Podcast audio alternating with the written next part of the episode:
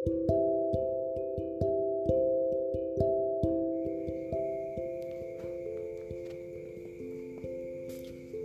sekali nomor WA saya itu seperti nomor telepon aduan 24 jam konsumen Sewayah-wayah kapan pun ada orang curhat pengen ngobrol ngaduin problem Saya tampung semua Jam berapapun saya ladeni mau tembus sampai subuh pun oke okay.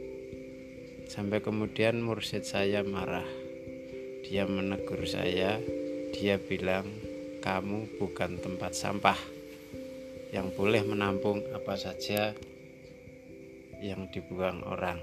Sejak itu saya tidak pernah meladeni hal-hal yang tidak penting.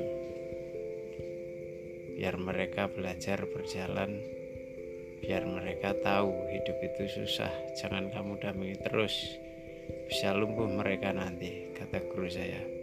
Sebagai murid, saya jelas patuh perintah guru saya yang keren itu.